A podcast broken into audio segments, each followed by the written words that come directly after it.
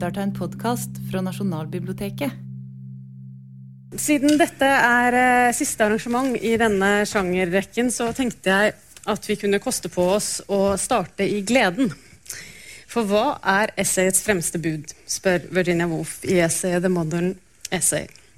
Jo, svarer hun, det er ganske enkelt at det skal gi glede. Alt i et essay, fortsetter hun, må underlegge seg denne loven. Og Hvis noen syns det høres enkelt ut, eh, så tar dere helt feil. For som Wolf en anelse mer sarkastisk legger til, å skape glede på denne måten er det svært få som klarer. Og det er like mye leserens feil som forfatterens, mener hun. Um, mens romanen har en fortelling, diktet, har rim og rytme, så kan essayet intensivere livet, mener Wolf. Uh, og skal dette skje, så må essayisten simpelthen kunne skrive godt. Og Derfor er det helt unødvendig advarer Wolf, å fordype seg i essayets opprinnelse og historie. Som med alt annet levende er nemlig dets nåtid viktigere enn dets fortid. Stadig, ifølge Wolf. Og dette siste så skal, skal, vi eh, selvfølgelig utfordre Wolf på i dag, for vi skal snakke om essayets historie og opprinnelse. Men uh, vi skal også snakke om dets samtid og antagelig også gleden ved å skrive og lese og forstå verden gjennom essayets modus. Så jeg tenkte å starte med å spørre deg, ja, Ole Robert. Jeg gruer meg allerede. Ja. det er ikke så mye grue tror jeg. Ja. Ja. Jo, men uh, altså, du er, jo, du er, jo, den av oss som har skrevet flest essays. Jo, jo, ja, ja. Du må stå for det. Ja, jeg står for det. Det er bare tull, men det er greit. Ja. Den, første, altså den siste essaysamlingen du har gitt ut, heter 'Verden uten ende'. Den første du ga ut, het fjerde person entall, hvis ikke jeg husker feil. Ja, det er riktig. Um, kan du si noe om hvordan et essay blir til for deg, rett og slett? Og hvorfor du, hvorfor du skriver essay? Ja. altså det, det, begynte med Jan Kjæreste, jeg hadde vindu. Og så spurte han om jeg hadde lyst til å skrive et essay om jeg lurer på om det var Robert Musil, mann uten egenskaper. Så har jeg veldig lyst til å skrive essay veldig lenge, men jeg visste ikke om jeg fikk det til. Nå er vi på 80-tallet, ikke sant? Ja, for jeg hadde liksom Georg Johannes sinte, bjeffende stemmen til Georg Johansen i bakgrunnen. 'Nå må du ta deg sammen, gutt!' Sånn der, Nå skal jeg få til dette her med han der illsinte bergenseren i nakken. Så tenkte jeg drit i han. Og så, så, så, var det et eller annet som skjedde som jeg fikk det til. da. Og så syntes jeg det var kjempegøy. Og så Etterpå så ble jeg spurt av Jan om å skrive om Hooge McDarmid, den skotske poeten, som nesten ingen visste hvem var i Norge. Jeg er til og med oversatt, oversatt nå, men det, den var litt for tøff, så det turte ikke han å ha med oversettelse. Men essay kom med. de, Etter hvert så skrev jeg mer, så samla jeg alt sammen i en, i en essaysamling som et fjerdeperson entall. Da hadde jeg Helge Wold som redaktør. husker jeg, for at Den gangen så kunne du ikke sende til, til eh, skjønnlitteratur, måtte dokumentar, for dette var salprosa. Så jeg husker når vi skulle altså, Willy Fred Kjell Nei, Kjell, sier jeg. Eh, Helge skulle gå gjennom manuset, hadde han glemt manuset hjemme. Så måtte sykle opp til tannlegen var komme ned med manuset. Jeg tenkte, ah. Men når Geir Mork tok over, så gikk det rett til min redaktør. Altså Morten Mork, som er min redaktør på alt. Altså. Så, nei, altså hvorfor? Ja. ja. Det er en veldig interessant sjanger. da. Og jeg vel, har vel følt det at romanen Der har jeg på en måte stjålet veldig mye fra nyromanen, Claude Simon, blant annet. Så tenkte jeg at kanskje ikke jeg greier å gjøre noe mer med romanen. At jeg, at det var en større mulighet for å gjøre noe med essay. Altså, I og med at den, den montenske tradisjonen Norge er så dårlig De har mer sånn Sigurd Hoel, sånn journalist, plapring, inn gullpennen-stil, eh, enn en den intellektuelle grubler altså Den grubler Og det passer meg, for jeg grubler hele tida. Enten det er om fluer eller tusenbein, eller om det er om måltrosten, liksom. Men, ja, men så sa Eivind Røstok noe veldig fint når han skulle lage en distinksjon mellom han jobber forresten her mellom romanen og essay. sa at det som er forskjellen i essay, er ikke noe fuglesang. Det er feil. Det er det jeg prøver å innføre i essay. fuglesang. Mm. Altså, Hva denne fuglesangen eh, består i, kan vi jo komme litt uh, inn på etter hvert. Og det samme også med Montaigne-tradisjonen, ja, ja. som du nå så vidt um, har nevnt. Men bare sånn for at vi skal prøve å skape en ramme sånn helt fra begynnelsen av, så er det jo noe med det at som de fleste sjangre, så er essay også en sjanger med lang historie, og som de fleste sjangere, eh, er det også en sjanger med, som utvikler seg over tid. Og, og, du Kjersti, har jo jobbet mye med ja, essayets historie, rett og slett. Går det an å si noe generelt om sjangeren i det hele tatt? Ja, det gjør det, men da blir det jo reduktivt med en gang. Men jeg kan prøve. Uh, uh, ofte så er et essay et litt mindre prosastykke. Men det fins selvfølgelig unntak. Selv Montaigne skrev essays på mellom 200 og 300 sider. Så det er et prosastykke av en viss, fortrinnsvis ikke så veldig stor størrelse.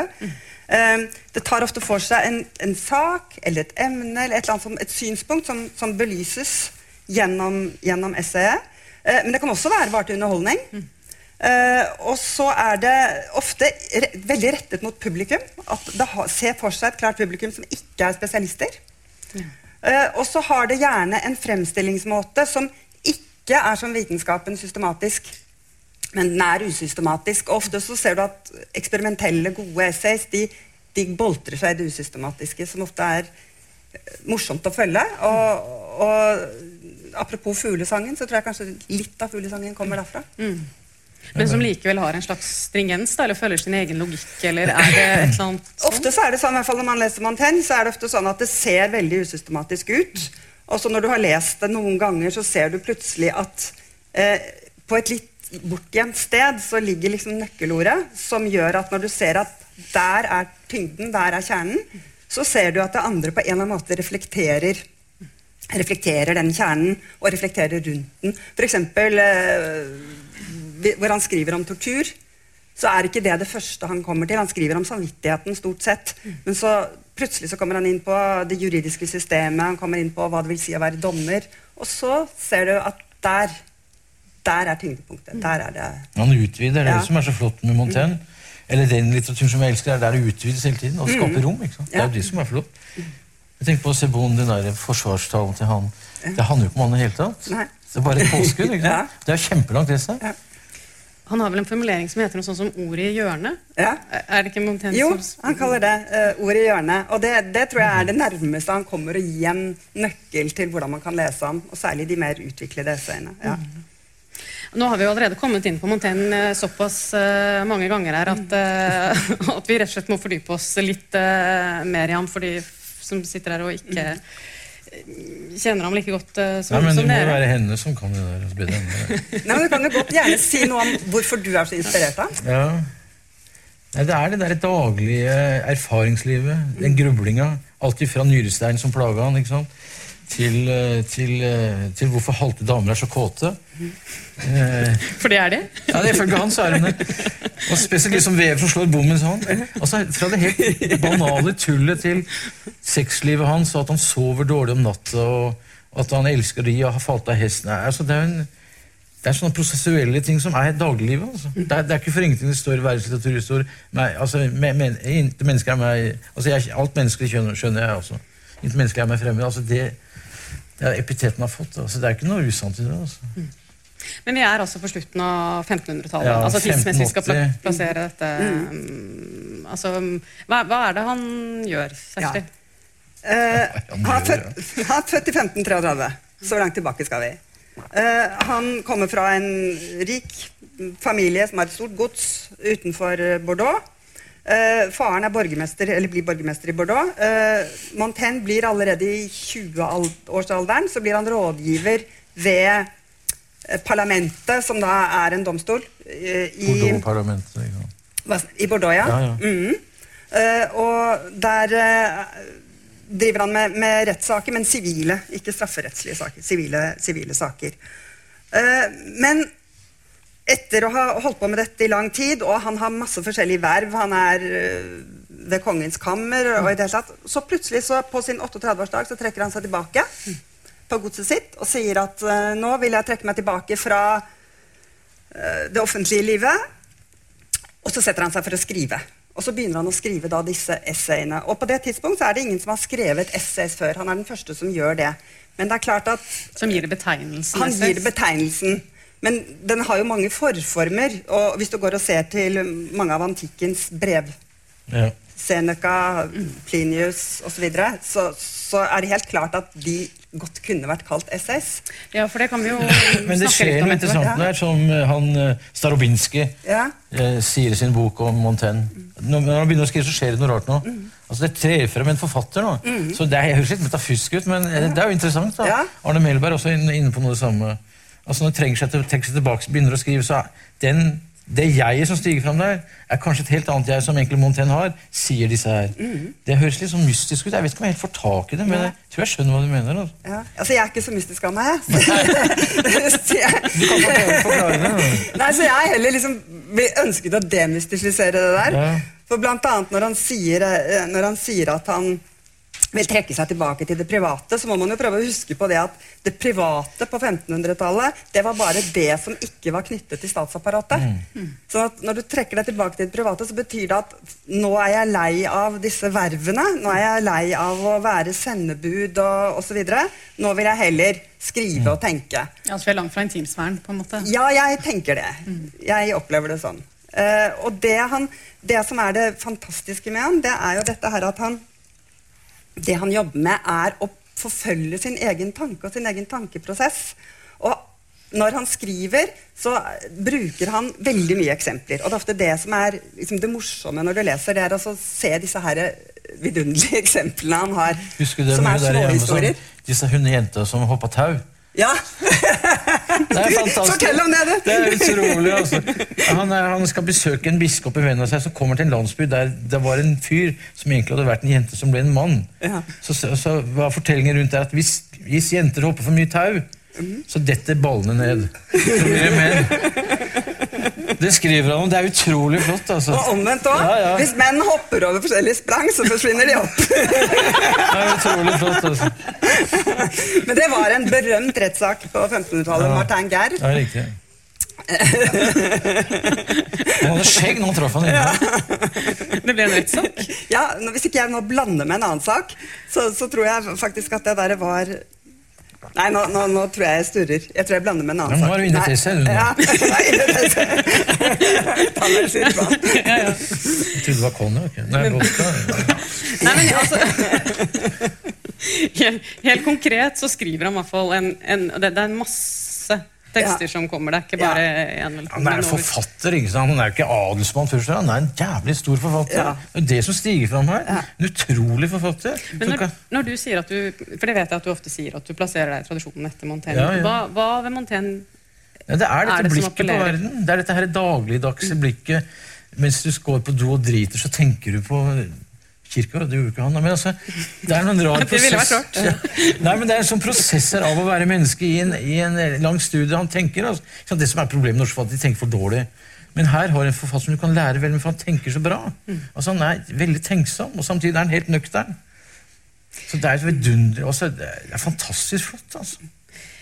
Det, det fins jo mange undervarianter. Vi skal etter hvert komme inn på, på litt sånn ulike former for essays, men, men det er jo mange som skriver altså, Tenk på dette subjektive elementet uh, i uh, essayet, som jo er til stede i større eller mindre grad opp gjennom århundrene i ulike, ulike varianter. Men mange eksempel, plasserer jo det som personlige essay litt sånn i forlengelsen av Montaigne.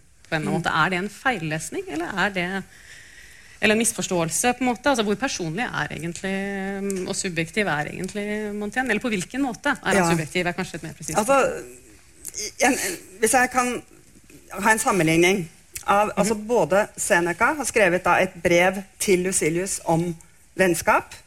Eh, Montaigne har et essay om vennskap, og det har også Bacon. Og Når du setter de tre opp mot hverandre, så ser du masse likheter, men da kommer den forskjellen veldig tydelig fram. For når du leser uh, Senecas brev, så er det Han gir masse råd. Han sier hvorfor skal du ha en venn? Jo, det er viktig å ha en å samtale med. Du må hele tiden tenke at du skal være Du, skal, du må ha noen du kan være fortrolig med, du ikke, du skal, men du skal ikke være fortrolig med alle. Du skal finne den rette balansen. Deri ligger vennskapets verdi. Og så gir han gode råd til Lucilius om hvordan han skal forholde seg for å ha den type vennskap. Så har du Bacon når han skriver om vennskap, så, som han priser. Men da sier han at, eh, at eh, vennskap, det, ha, vennskapet har tre frukter. Det gjør at eh, det balanserer følelsene dine. Det er lys i intellektet, og det er en hjelp i handling og i, ved alle anledninger i livet. Men så kommer Montaigne. Og når han skriver om vennskap, så er også han er ute etter liksom å balansere følelser og alt det der. Men hans eh, essay er en kjærlighetserklæring til hans venn La. Er han som døde. Han som døde da Montaigne var 30 år, altså før han giftet seg, før han ble seist. Eh, og hvor han da bruker egen erfaring med hva det vil si å være en venn, og hvor han blottstiller seg helt i forhold til denne vennen. Og hvor han hele tiden utforsker sin egen tankeprosess rundt hva betyr det å ha en venn, hva betyr det å inngå i et vennskap, hvilke, hvilke forpliktelser ligger der, hvor viktig er det i livet mitt? Altså Han byr virkelig på seg selv, og, men hele Bacon tiden er jo kjedelig for Også. Ja, men Jeg har fått litt sansen for bacon nå. Han er, liksom, han er helt annerledes, men der, der ligger det mye rart. Litt gjemt. Ja. Ja, leste, han, han har ikke den Han byr jo ikke på seg selv. jeg leste Holberg og Essa av Georg Johansen Ja. for å liksom forberede meg til dette greiene her. Eh, og da oppdaga jeg plutselig at Georg Johansen er nærmere Bacon enn Montaigne. Altså. Ja, han tror ikke det selv, tror jeg. Nei, det tror jeg ikke. Han vil ikke altså, Men, hva, hva, men for å bare følge opp det med et eh, kort eh, spørsmål, hva, hva ved eh, Georg Johansen er det som plasserer han Nei, for han, han, han, er, han er ikke så personlig at han legger fram sine innerste tanker, sånn, for han er veldig sky. Så han er, han er veldig sakorientert. Altså. Selv om han liksom tror han er veldig tøff i trynet. 'Nå må du komme deg, gutt! Må du komme ut og tenke deg! Kvinnfolk er dumme!' Liksom sånn er det. Norge er lik Jan Erik Vold er lik VG Nei, det er ikke jeg er lik, ja, altså, det, det er tullet der. Nei, men, men altså Kjartan Fløgstad sa noe fint med den intervjuboka på baksiden. Han er kanskje best intervjuer. Det er hans stil. altså. Ikke så dumt sagt. Det det. er Sånn epigrammatisk Ja, ja, eh, sånn aforisme. aforismer som er sånn sverdslag omtrent. Men, eh, men eh, han er jo klok. Han kan jo mye rart. Det går litt på tomgang av og til. men...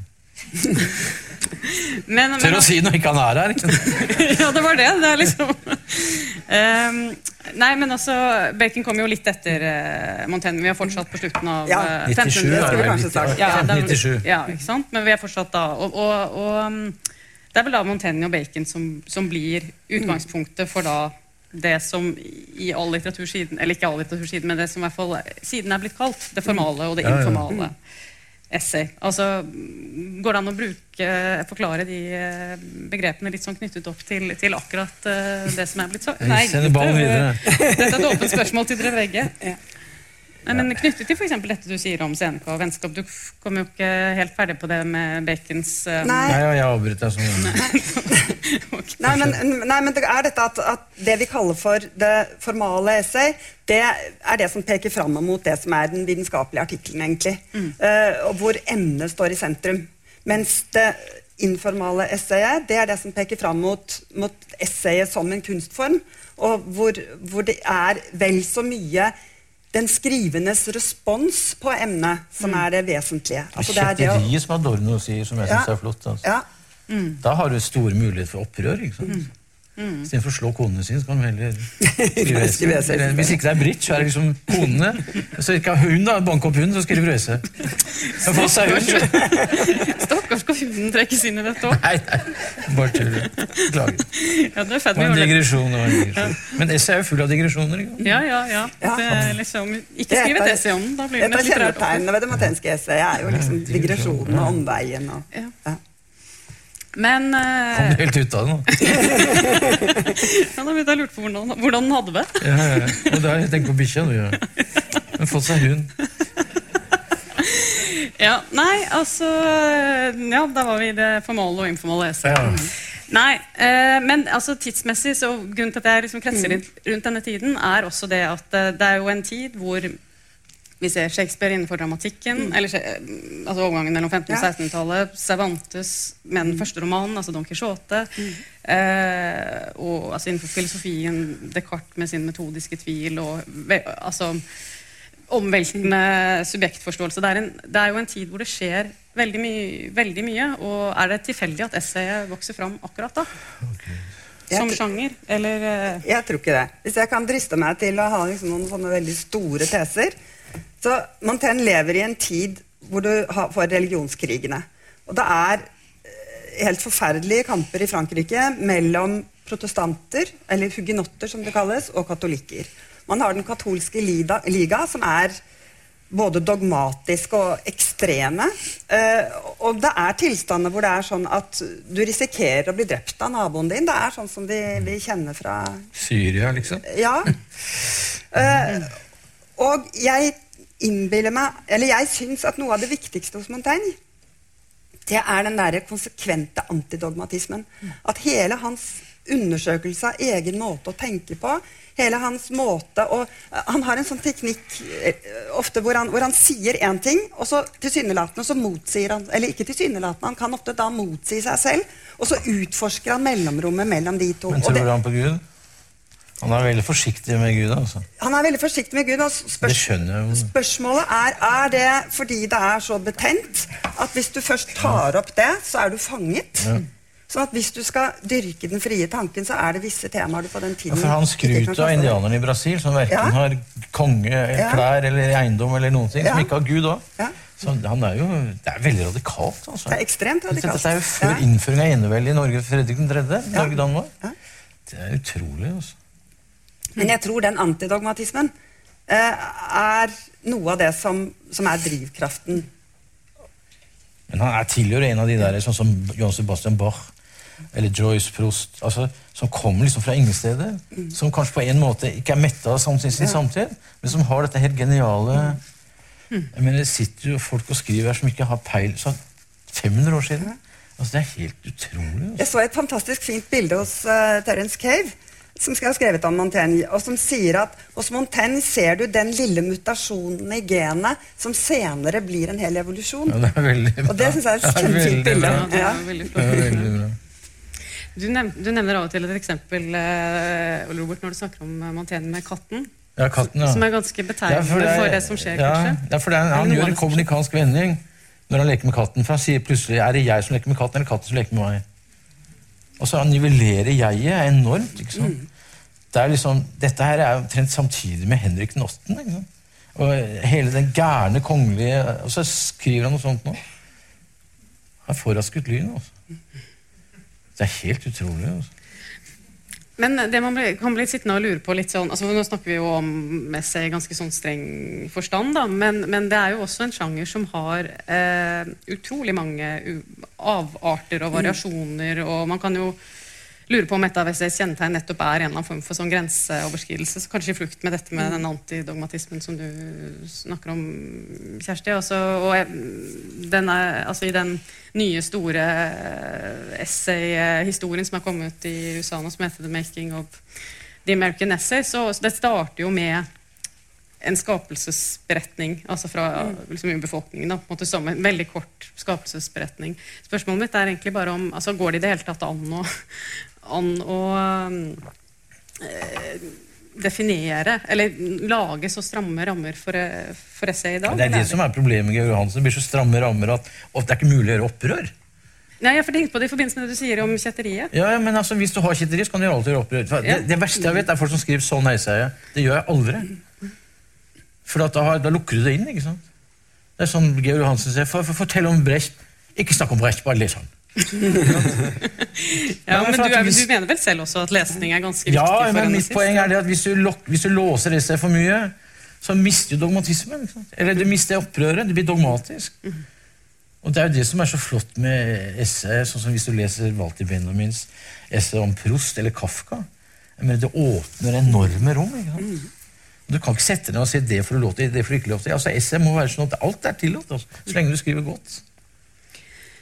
Eh, Det er jo, jeg tenker på det du mm, sa, Kjersti, om disse antikke forløperne. At man ser, altså De antikke brevene, og, og, og som vi etter hvert også kan komme inn på i, i forhold til eh, romaner, altså forholdet mellom essay og romaner. At, at man kanskje kan snakke litt om en sånn essayistisk impuls, kanskje mer enn essay, eller altså like mye som essay som Ja, Roland sjanger. Barth snakker vel om den tredje veien. Han mener at Proust skriver på en essayistisk måte. Roland Barth skriver om det et eller annet sted. Jeg husker ikke hvor det er. Samtidig så kan det vel også finnes romaner med rene altså Som er egentlig romanmessige i formen, eh, men, men som plutselig har et, et innslag av et essay. da. Eh, Det har du vel kanskje selv eh, Ja da, ja da. ja da. Det er noen, det var Espen Stueland som mente at du kunne ikke se noe forskjell på romanen min, essayet min og de der småprosabøkene, at alt gikk i ett. Ja, er det noe problem, liksom? Men mente han at det var et problem? Ja, han mente det var et problem. Det hang for mye sammen. Altså sånn, Hvor er målbåndet? Drit i det, altså. Ja, for det er sånn anarkistisk sted. Sånn som når du leser eh, Deleuze, eh, 'De tusen platåer', som har betydd veldig mye for meg. Nettopp å gå inn i den galskapen der. hvor alt er åpent. Så lenge du kan tenke rart om noe som ingen har tenkt på før. Hvorfor bruke metemarken ti dager for å gå over en halv meter? Ja? Hvordan ja. Ja, det er i hvert fall tydelig et ganske sånn slektskap mellom eh, romanen og essay. som kan, jeg vet ikke, Kanskje henger det sammen med at de vokser litt sånn fram i samme tid, eller, eh, eller noe sånt, men som i hvert fall gjør at man kan ja, plassere essays i, i romaner. da. Eh, Jeg tenker Solstad gjør det jo i, Ja, ja. eh, i sin bok. og ja, eh, Vigdis Hjorth er vel et annet eksempel, kanskje? Ja. Kjersti?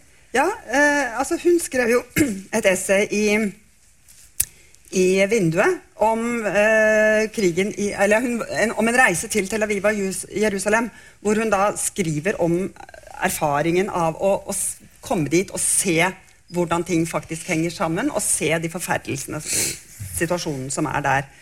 Eh, og det er et essay i ordets rette forstand, fordi den, det handler om hennes respons på hendelsene, og på å se hva som faktisk skjer der nede, mer enn hva som faktisk skjer. Eh, det essayet i litt i todelt form og litt forkortet fins i hennes roman 'Arv og miljø'. Men da er det en av karakterene i romanen, en venn som heter Bo, som kommer med dette som sine synspunkter, og i to forskjellige kapitler der. Sånn at du ser at grensen mellom et essay og en roman den er ganske flytende i, i vår tid. Og det er litt morsomt ut fra dette med at veldig mye av de essay-definisjonene som vi bruker når vi underviser osv., de kommer fra tysk, eller fra Tyskland. Og de er veldig orientert om hva som faktisk står i essay. Så det, det er liksom det er visse kriterier, det er visse ting man sier dette skal være til stede, så er det et essay. Mm. Altså Rent sånn tematisk, eller bare formelt? eller? Rent, altså sånn, eh, det er rent tematisk. F.eks. dette med at det, essayet er slentrende. Essayet er eh, antidogmatisk. Eh, essayet er personlig. Det er utprøvning som er, som er det flotteste, Ja. syns jeg. da, At du prøver ut din stil. Men i hvert fall du får en sånn sjekkliste som da går på selve essayet, istedenfor å se på essayets relasjon til publikum, f.eks. Altså Hva slags kontrakt har du med publikum? Når folk kjøper en uh, roman eller kjøper et essay, forventer de da å få det i rendyrket form? Eller hvordan er det? Og sånn som litteraturen har utviklet seg nå, så får du det ikke i rendyrket form lenger. Altså, Du har veldig mange forfattere som, som driver i, i grenseland mellom de to. Og det er jo noe som jeg mener er en berikelse. Og det er jo, ligger jo også i sjanger, en, det å skulle gi en sjangerdefinisjon. Så vil jo alltid litteraturen ligge foran definisjonen. Den vil alltid sprenge grensene, og så må man justere definisjonene. Sånn som at vi har fått en støtteordning for sakprosa og essay i Kulturrådet. Det, det, det sier jo noe om at statusen til den sjangeren og den måten å skrive på har økt. Og at det er blitt mye større etterspørsel. Altså, Ja. ja. Vil du kommentere det? Nei, nei, jeg syns hun er forsvarer litteraturen fint. Hun. Er det godkjent? Nei, men jeg bare For å gripe fatt i det altså Du nevnte dette med utprøving, eh, som, som Kjersti også var, eh, var inne på. Men altså, hva, hva ligger det egentlig i Ja, det? for meg er det sånn at, som jeg har sagt til min redaktør på Gyldendal mange ganger, det er liksom to typer bøker jeg forfatter. Det er en som, en som skal hjem, og så er en som skal bort. Jeg vil bort. Jeg skriver for å komme bort fra eventyr. Altså reise. Og for meg er litteraturen det er et eksperiment. Altså Jeg vet ikke hva jeg holder på med. Jeg prøver meg fram. Eh, Det verste jeg vet, er å sitte og skrive noe som jeg kan. altså som Jeg vet jeg, hva, hva som, jeg vet ikke hva som skjer når jeg begynner å skrive. Jeg har en idé, jeg skriver tittelen først. Oh ja, så tittelen først, og så begynner jeg å skrive hva som skjer her. Det verste jeg vet, er sånne dumme sånne krim. Unnskyld meg, det er for mye fin krim, men, men som liksom har et plott som følger plottet. Og så, jeg er jo interessert i det som skjer i språksyntaksen. Plottet er jo totalt uinteressant, syns jeg. da. Men du vet på forhånd om du skal skrive et essay? Eller Ja, er i gang med ja, ja, da, ja da, det vet jeg. Så, det vet jeg. Men jeg, jeg har- går liksom og Akkurat nå har jeg- skriver jeg om eh, en bok som heter 'Norske hoppbakker'. Det er en fyr som har tatt bilder av norske hoppbakker. Jeg, som, jeg har tre opp i skauen. Men han tar ikke bilde av unnarennet, bare overrennet. Ja. Faen han hele Han gadd ikke å gå ned! ikke sant? Han har gått han har tatt bilde av 200 norske hoppbakker. Så, så ser du, Det er bare sånn, det minner om Lars Wilks eh, eh, den der driveskulpturen i Skåne. Nesten alle hoppbakkene. Jeg, jeg har stått på sånne hoppbakker sjøl og bitet tenna sammen i stiv kuling ned med dårlig ski og rett ut i, i mørket for dårlig lys. Og, altså, så, det er, så da begynner jeg, så er, Dette her er bare bilder. Så da begynte jeg å lese, så fant jeg noen, noen fine bilder som jeg kunne skrive. Og det er plank, det der plankehaugen. De der mø fedrene, altså Foreldrene har jobba ræva altså, med å bære planker og spikre og sagd og holdt på med, med altså, Og nå står hun bare der og råtner opp. Ja. Det er noe vemodig med det. Ja, nei, Det er en kultur som er borte. Ja, veldig. Og det er en dugnadsånd som nå er på håndball og fotball og de som får blodsmak i munnen og går på ski. Men hoppsporten den er, altså hopp. Så gikk jeg og tok et bilde av, for det er- en hoppbakke mellom Veterinærhøgskolen og Tulstrups gate oppe ved Adamstua. Som jeg tok bilde og la ut på nettet i går. Og det er sånn skikkelig gammel sånn, Det har stått og råtna der i 20 år. altså. Altså, da kommer ideen opp. Jeg skal skrive et essay som jeg unnskyld, hvem skal jeg sende et essay til? For eh, da har lagt ned den der bokserien. ikke sant? Fått ny redaktør. Vet du hvem det er? Ja, akkurat, ja. Så, men jeg, jeg, send, det, jeg skriver på oppdrag. og Det verste jeg vet, å sende noe så nei, det her har jeg ikke brukt for. Så jeg venter til noen spør. Men det, det er en sånn idé Ja, som kommer, og så plutselig Så, ja, så har jeg også så leste jeg hun, eh, hun om alderdom, hun som også har kjæresten til Sartre, hun med beveren. Hvem er bever av de to? liksom? Den ene sjeløyde dvergen og hun der flotte dama. Men altså, når jeg har godt hue, så drar du damer som fluer. Unnskyld meg. Men, eh, men eh, altså, så da fikk jeg lyst til å skrive om alder. Ja. Ikke om alderdom, men liksom, når jeg sitter her, så sitter jeg Hvor er fireåringen i kroppen min? Sitter han der? Eller hvor er 16-åringen? Det er faren min sine hender, og der sitter han. Ja. Men sånn, hvor, er, hvor er aldrene? Alderne i kroppen? For det må jo være et eller annet sted her. Det er jo ikke borte. så det er skrevet det som. Men det endrer seg kanskje med tiden? Ja, det må jo det. Hvor- Men hvor- blir hvor i kroppen det er? Hvor- Seksåringene bak øreflippene og sånn. Men eh, for bare Ja, Når vet digresjon. Nei, nei, det Når vet du at et tema krever, et, krever? Nei, nei, ja, det det det er sånn Å faen, nå har jeg skrevet den romanen, og jeg kan ikke skrive en roman til neste gang. Blir Morten sur, må finne på noe. Det er et esse. Så har jo liggende masse som vokser og vokser og vokser. Nei, jeg vet ikke. Det er bare et tema som passer for et esse. Et eller annet. Jeg skriver også, jeg har skrevet også mye om snegler og metemark, men det blir sånn, små, sånn kortprosa som jeg har gående en egen serie. da. Som heter, den siste heter Tenk fort. Nå har jeg skrevet en ny som heter Tenk fortere. Så, nei, men jeg, hva skal jeg sitte bare der? Jeg må jo finne på noe, så jeg leser mye, og så da plutselig ikke sant, Jeg har veldig lyst til å me- metemark. Altså. Det har jeg gjort nå. Men jeg, det, ble, det ble den lille sjangeren. Altså metemark som esse. Eh, ja, kan bli interessant, det òg.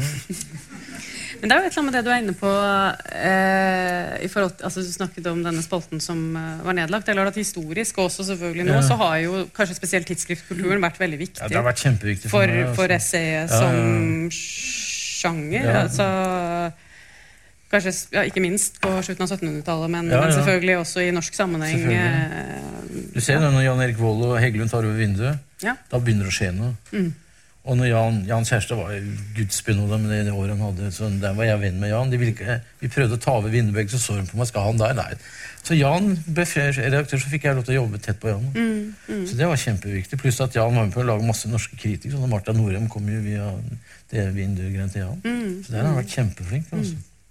Og så har du vært redaktør, så jeg har skrevet for deg. Og Nei, så det vinduet er eh, og vagant og Ja, de har vært flotte, altså. Så det har vært veldig fint.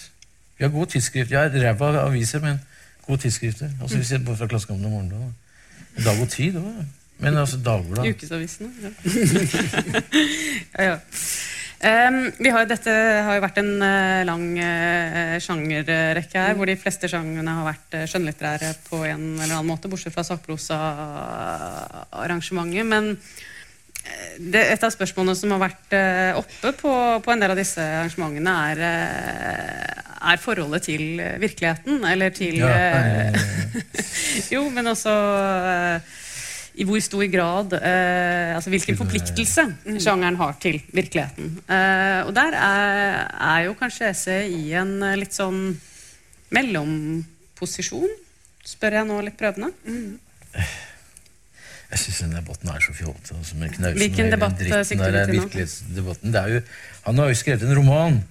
Nå snakker du om Knausgård. Ja, jeg mener, hvis du skal diskutere som, Det er jo en roman han har skrevet.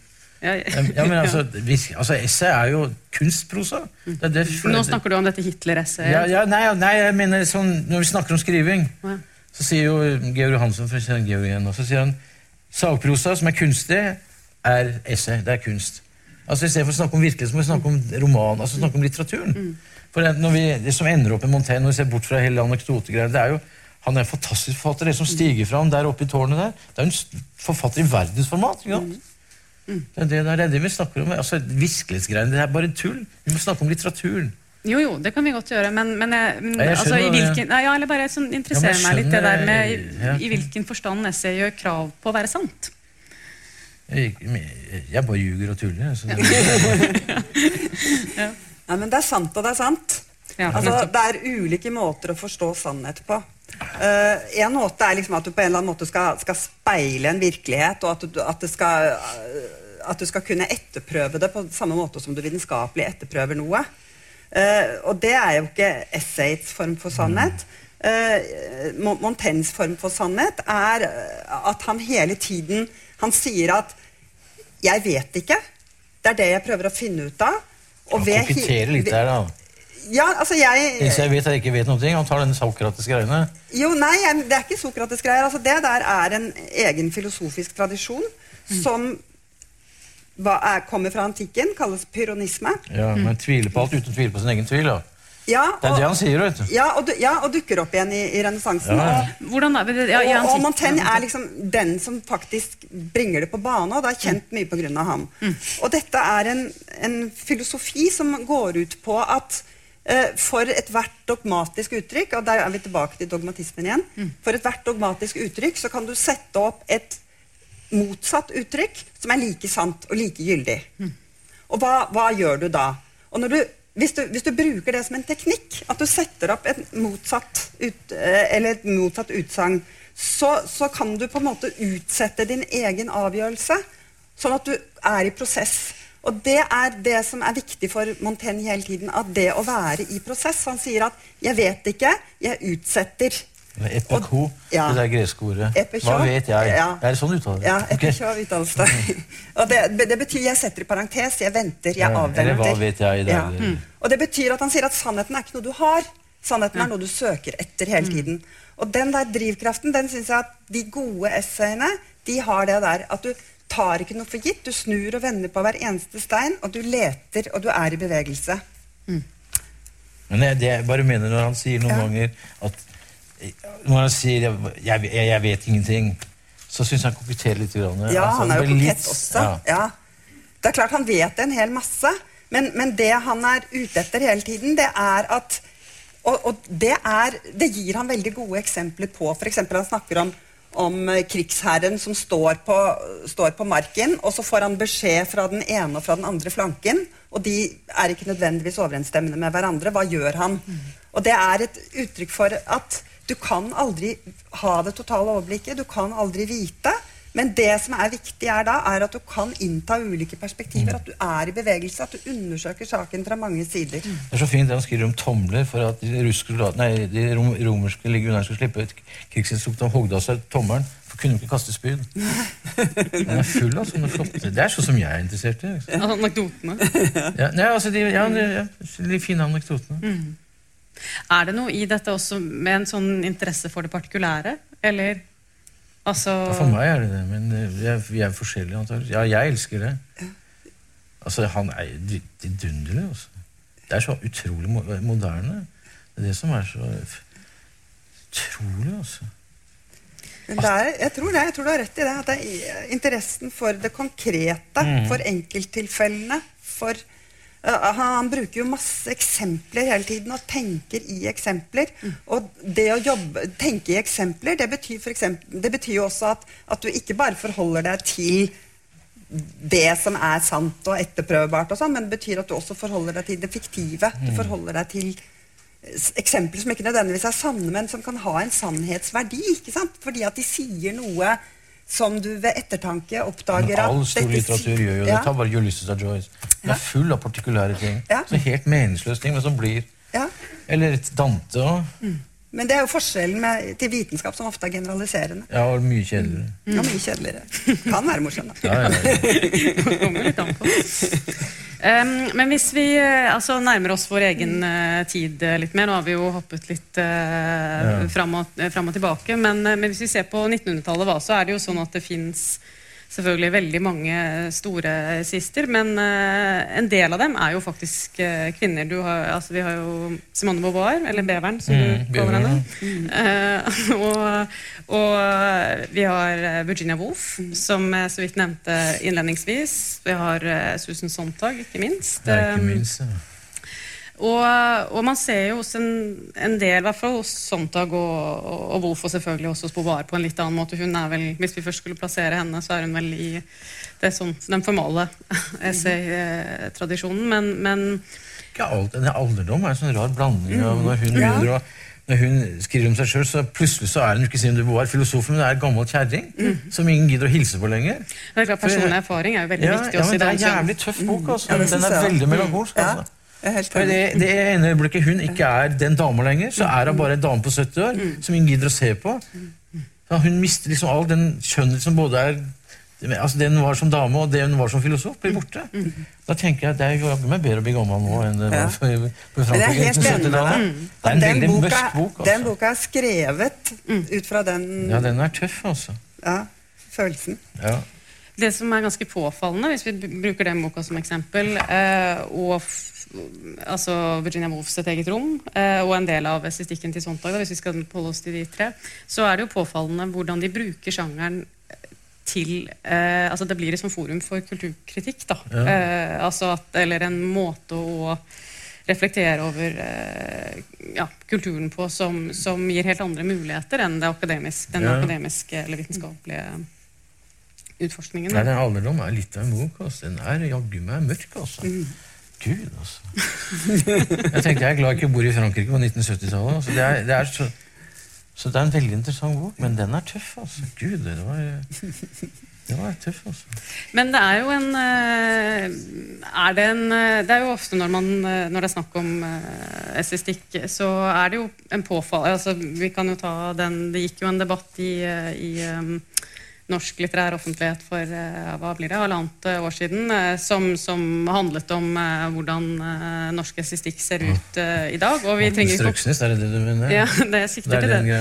Men jeg, jeg har ikke tenkt til at vi skal komme sånn inn på, på den debatten, for det kan fort bli ganske internt. Men, men um, det som var påfallende, var at uh, de som deltok, og de som ble omtalt, var gjennomgående menn. Uh, er det en sånn kjønnsdimensjon oppi dette? Vi har snakket om Montaigne og Bacon. Mange av mm, navnene som har kommet opp, har vært menn, ikke minst forløperne. Altså, er det noe der, eller ikke? Jeg gjorde en opptelling. Jeg. Eh, De, nå, da blander man essay og sakprosa. Men de bøkene som fikk støtte fra Kulturrådet i 2016, og da tror jeg det var dobbelt så mange menn som kvinner. Og det, det er veldig rart. Eh, fordi når jeg satt og, og tenkte liksom, hvem er de gode essayistene som skriver nå, som jeg liker, så var det veldig mange kvinner. Så, ja, så det, det, her går ikke helt i ho Det stemmer ikke helt overens. Men jeg lurer på om det kanskje kan være noe med at kvinnene har kommet over de siste årene. Jeg tenker på sånn som Kari Løvaas kom i 2013 med sin bok og sitt essay om, om Det som er problemet, er at Kari Moe bare forsvant. Karin Moe Kari Mo Moe var det største hodet i min generasjon. Ja, så bare ble det- borte og ble religiøs. Hun Ja. ble, hun ble altså pinsevenn eller sånn vanvittige greier. Hun skriver jo, hun skriver jo i Klassekampen. Ja, men med ja, det hun var da, da hun skulle ha vært der. ikke sant? Akkurat de årene der. Hun skrev jo nesten ingenting. Hun ble bare borte. 30 år borte. Hun ga jo ut en, en bok som het 'Sjanger'.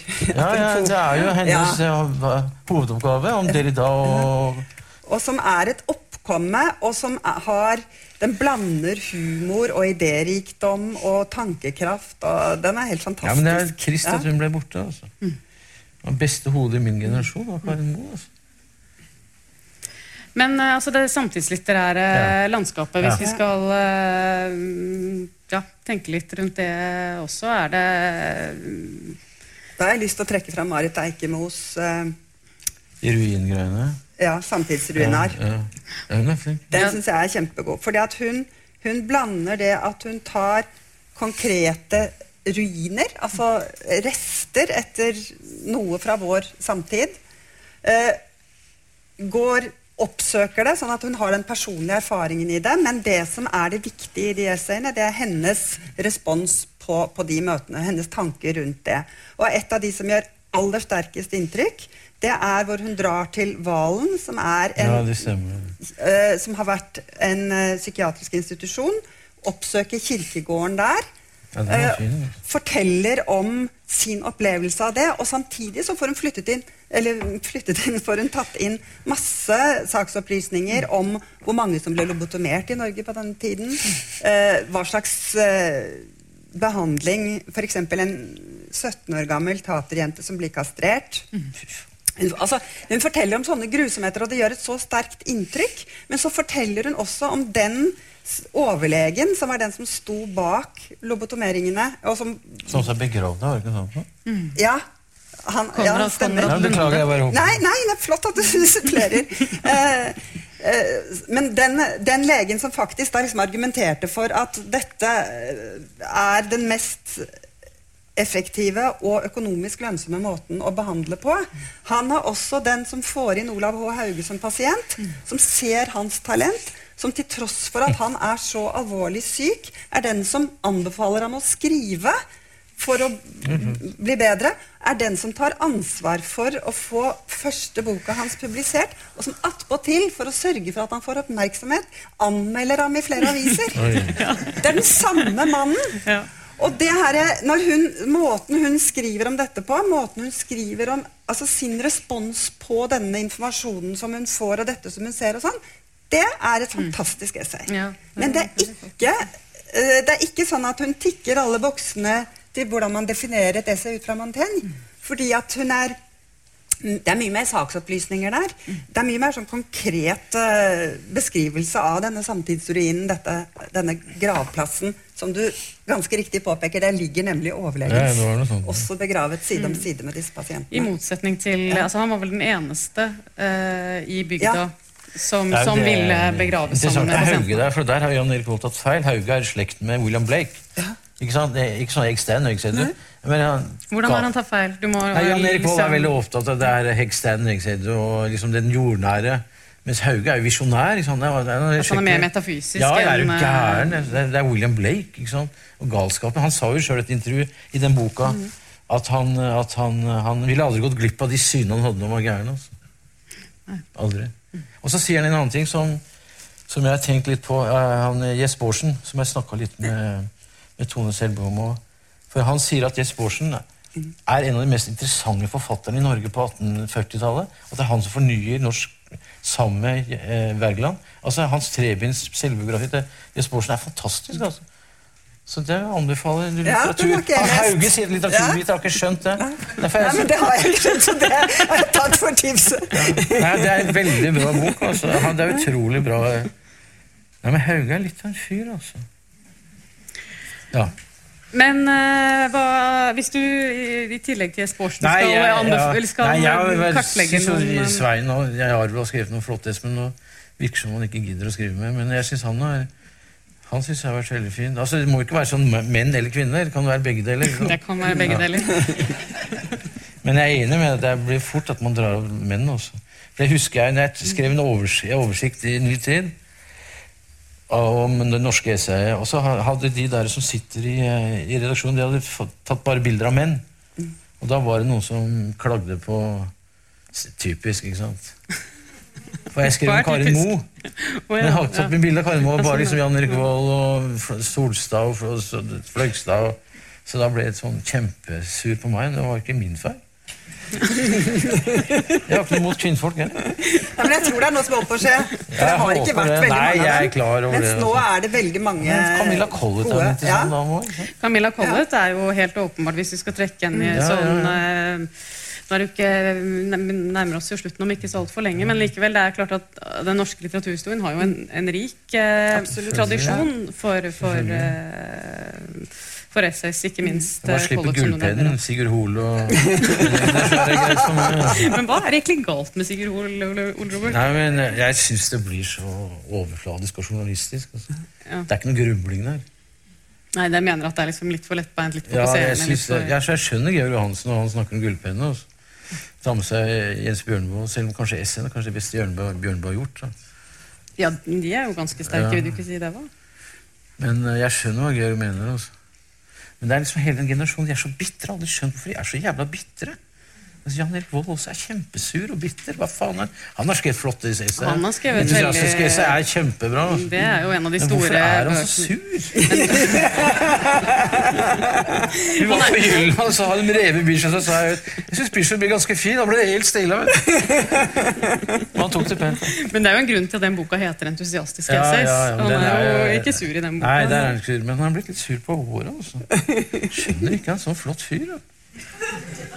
Men mye av det fortoner seg vel som en Nei, for... det gjelder hele den gjengen der. Altså, utenom Solstad, han har ikke noen grunn til å være sur, men det er så mange som er bitre lenge. Syns du han er så generasjonen. blid? Ja, han er ikke kjempeblid. Du kan ta Kjell Heggelund, Geir Johannessen, Jan Erik Vold, Einar Økland. De er så dritsure hele gjengen. De har ikke noe å klage over det. De har fått stipender og fått gitt ut bøker og Ja, nei, Jeg skal ikke sitte og forsvare noen, jeg, altså, men uh... Skjønner meg ikke på det. Nei, nei, men eh, Nei, men tilbake til Virginia Ja. Woolf og gleden. Og, og ved essay så tenker jeg sånn, så, sånn, Det er jo faktisk en side ved essayet at det behøver ikke å være så innmari alvorlig. Det, det, det kan være masse humor der, Ja, og det ja, ja. er det hos Montaigne. Og det er det, En favoritt hos meg er jo Gunhild Øyehaug. Ja, ja, hun var jo Ja. her på novellegreier. Ja. satt hun Ja. her, ja. Hun har jo Ja, jeg er enig med deg. Ja, for hun har den der at hun kan skrive essays som er fulle av humor Ja. og krappe vendinger, og hvor hun forholder seg Og hun er veldig i tiden. Skriver om Radiohead, skriver om uh, Radiohead, det er lenge ja. siden, da. ja, det er lenge siden. Da. Det er lenge siden boka kom ut! da! Det Der er fikk jeg den! Det var sønnen min som er DJ, det er derfor kan jeg ikke Jeg har ikke peiling i det hele tatt. Men vi har det gøy, da. det har det moro. Ja, ja. Nei, det er Nei, men, eh, men altså, ja. Gunhild Øyhaug og Det er, det er gøy å være forfatter. Sitter sånn og tuller og holder på. tenker vel litt også. Ja, Ja. jeg tenker fort, vet du. Ja, ja. Nei, men, eh, men eh, det som eh, jo er litt altså Både interessant og, og påfallende og egentlig faktisk også litt komisk, er at når det braker løs i debatter i, i det litterære miljøet, så så nå sist om, om essaysjangeren og om man skriver på en måte som er utadrettet og verdensvendt, eller om man skriver innadvendt for mye innadvendt og, og, og for mye opptatt av mm, Mer opptatt av bøker enn av verden, da. Ehm, så er det jo interessant at, at det får eh, At en sjanger som essay får det til å koke for folk. Altså det, det sier jo et eller annet om sjangerens prestisje, eller at det er et sånt adelsmerke. Eller, Nei, altså, det verste var at det gikk utover Mastak og Sigurd Tenningen. To unge forfattere som har gitt ut hver sin essesamling. Ja, ja, Ja, men for at de, jeg, bare nevner de nå, for jeg nevnte, glemte å nevne de i stad. Ja, ja, som er veldig interessante, gjøre. interessante, flotte jeg er sur, altså. ja. Til på lopphavet, liksom. Kom igjen da. Nå, nå prøvde jeg egentlig å liksom gjøre det litt mer sånn generelt. Ja, Da. ja, ok, Eh, men, men, eller altså, nei, bare, Hva er det ved den sjangeren som gjør at folk vet investerer så mye i den og blir så interessert i den og, og vil forsvare så mye rundt den? Nei, kanskje Georg har rett, Johansen, at det er liksom litt aristokratisk. At du, skal, du viser at du er lærd, du kan noe. Og så er det ikke journalistikk. Men er det noe jålete ved det nå? Ja, det er det kanskje. Jeg liker folk som det til. Altså det, Ja, det er ikke noe godt. Men det kan jo fort bli det. Ja da, ja da, Fordi at uh, Det ligger jo altså hos Montaigne, ikke sant? det er stappfullt av sitater. Eh, og, 1300 sitater til sammen. ja, og det, og det ligger i sjangeren veldig ofte, det at det er bakt inn sitater fra Ofte en lærd tradisjon. Og det er også det der med at du skal vise tankekraft og, og så videre. Så, så det kan fort bli jålete, ja. Ja. Så, så, jeg, så jeg skjønner det. Men, men, men når det er godt gjort, eh, så er det en sånn fantastisk berikelse for oss som leser absolutt. Hvis du ikke er redd for å lære noe. Ja. Hvis du ikke vil lære noe, så kan du lese Dagbladet og se på TV. så er det TV Norge, og så, Det er jo greit, det. Det er opp til hver enkelt. Jeg har jo barn som ikke leser bøker. Går for langsomt. Og de har barnebarn med sånn iPad. Faen, Du får ikke dem til å bøker. ikke sant? Nei, det der det greiene der er skummelt. Altså, studenter som jeg har nå, de har lest én bok. Det er, det er Beatles av, ja, Sove Christensen. Skal de bli forfattere? Én bok? Det går ikke. vet du. Men er det en ting som altså den, Hvis det er et uh, trekk da, ved vår tid, hvis vi kan si uh, altså, hurtigheten og, og um, økende grad av inntrykk og alle disse Jeg er jo ikke helt til å se på alle de folka som Ja, ja, det er jo det. Men gjør det noe med utviklingen av eh, en sjanger som essayet, som jo på en eller annen måte er en litt sånn langsom sjanger? eh, Eller langsom tenkning, eller altså Det var sånn en refleksjonsrom? Var en fotballspiller, så han som heter Kviserud Nei, hva heter han? Ja, det var sånn, han led av noe kalt for Bokasma. bokastma. Han hadde Bokasma? Ja, han var fotballspiller på i Fredrikstad og i Brann. Eh, Hva er Kvisvik? Kvisvik var det. Han sa det han led av bokastma, og da tenkte jeg hva i all verden er det som skjer i verden? Altså? Men det, er- de gutter leser jo ikke bøker. Mange gutter leser ikke bøker. Det var en bokvegring. Nei, det der, altså. Jeg blir melankolsk av det. altså. Men er det så, tror du det var så annerledes før, egentlig? Nei, det var sikkert det er jeg som, er, eh, jeg som lever i en illusjon. Nei, jeg vet ikke. jeg. Nei, på 70-tallet, når jeg var ung, da, så leste vi veldig mye bøker. Og det var sånn, Hvis du var på fest og ikke visste hvem Bringsvær var, så kunne du bare gå hjem med en gang. Ja, det, altså, det er, men det er ingen som leser. Altså, Mine barn ser rart på meg. Hvorfor skal jeg lese alle de bøkene som du har, når du har gjort det? Ja, det er jo ganske godt spørsmål. Nei, altså, jeg gir opp det. Jeg gir opp det. altså. Så det er, nei, det er litt melankolsk. Til og med, Jeg kjenner Horace Engdahl, fortalte om sine barn som han hadde med Eva Hvitt Brastrøm, at de var sånn. Leste ikke noen særlig bøker. Gikk på kino. strømming. Og altså, ikke irsk, nei, ikke svensk mat, men du vet Nei, Vi lever i en helt gal verden. Tenk som å ha tid til å sette seg ned og lese en bok. Ikke? Jeg, drømmen min er å skrive et hundresides ess om Bach. Og så gå inn der og virkelig se på Bach og hva Bach gjør. Tenk som har tid til å den og har øret proppfull med sånn drittmusikk. Og så sitter du foran de der greiene og gjør sånn Nei, altså. Ja, men Hvis vi skal vende det og være litt mer optimistiske, da, Ja. så tror jeg at noe av det som skjer, skjer i verden nå, øh, stikkord som fake news osv., sånn, det tror jeg har gjort at, at man blir mer og mer opptatt nå av å sette seg inn i saker. Og det å, sånn at jeg tror tiden for sakprosa, og dermed også essay, antagelig bare, at det vil bare øke på. Eh, og jeg tror også at den der skarpe skillet mellom det formale og det informale essayet, altså mellom det essayet som er mer saksorientert og ikke så personlig, og det som er mer personlig, jeg tror det, det flyter litt. Og, og du det er en hel del bøker som er mer av den formale sorten, men som også trekker inn den personlige refleksjonen og den personlige erfaringen, som, som jeg ser som en sånn mellomsjanger som jeg tror faktisk er en som det vil bli mer av. Jeg håper det. Jeg tenkte meg Se for deg liksom biblioteket til Donald Trump. Det står en tynn bok, så You're fired! Ja, Donald Trump er kanskje et eh, ekstremt eksempel, men, men, eh, men, Eh, Ha Hagen leser diktsamling, liksom? ja, han er interessert i kunst, da. Så jeg Ja, mener ja, kunst ja, Jeg mener Carl I. Hagen, ikke han andre Ah, ja, Hagen. ikke han andre Hagen. Ja. Sender liksom S-samling til Siv Jensen. liksom. Jo, nei, men jeg, jeg, jeg velger å være optimistisk. Ja, men det er fint. Og jeg velger, velger å tro det liksom at, at den verden vi får tettere og tettere innpå oss nå, den vil øke behovet Altså, avissalget har vel gått opp etter i Nei, USA, dag, har det ikke det? Nei, i USA. Ja, ja, men, etter- ja, ja. ja. Jeg håper jo det. Så, så, så jeg tror at folks behov for å finne ut av ting vil øke. eh, og da vil behovet for, for bøker som er reflekterende, forhåpentligvis øke. Jeg, Jeg håper føler meg som Montaigne i tårnet. ikke sant? Sitter aleine og sitter og skriver drittbøker som ingen gidder å lese. Ok. Jeg greier meg.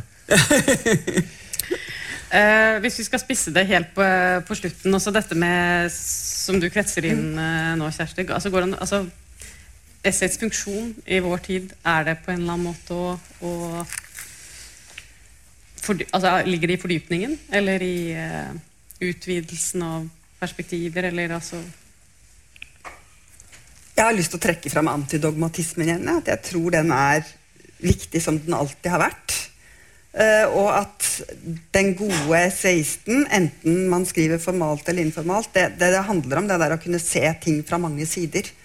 Uh, og det å liksom systemat, Ikke systematisk, men kanskje usystematisk, men, men allikevel med det siktemål å få fram så mange perspektiver som mulig i en sak, det tror jeg er viktig. Og jeg tror at folks ønske om å, å få brettet ut alle disse perspektivene vil Det vil ikke forsvinne, tror jeg. Jeg er ikke pessimistisk på bokas vegne. Det er ikke bra å slutte her. Du føler ikke at du har noe sånt? Nei, jeg er bare tuller. altså. Nei, men jeg, jeg er helt enig med deg. Det er helt fint. Ja, nei, men da slutter vi på den tonen. Ja. Tusen takk til dere.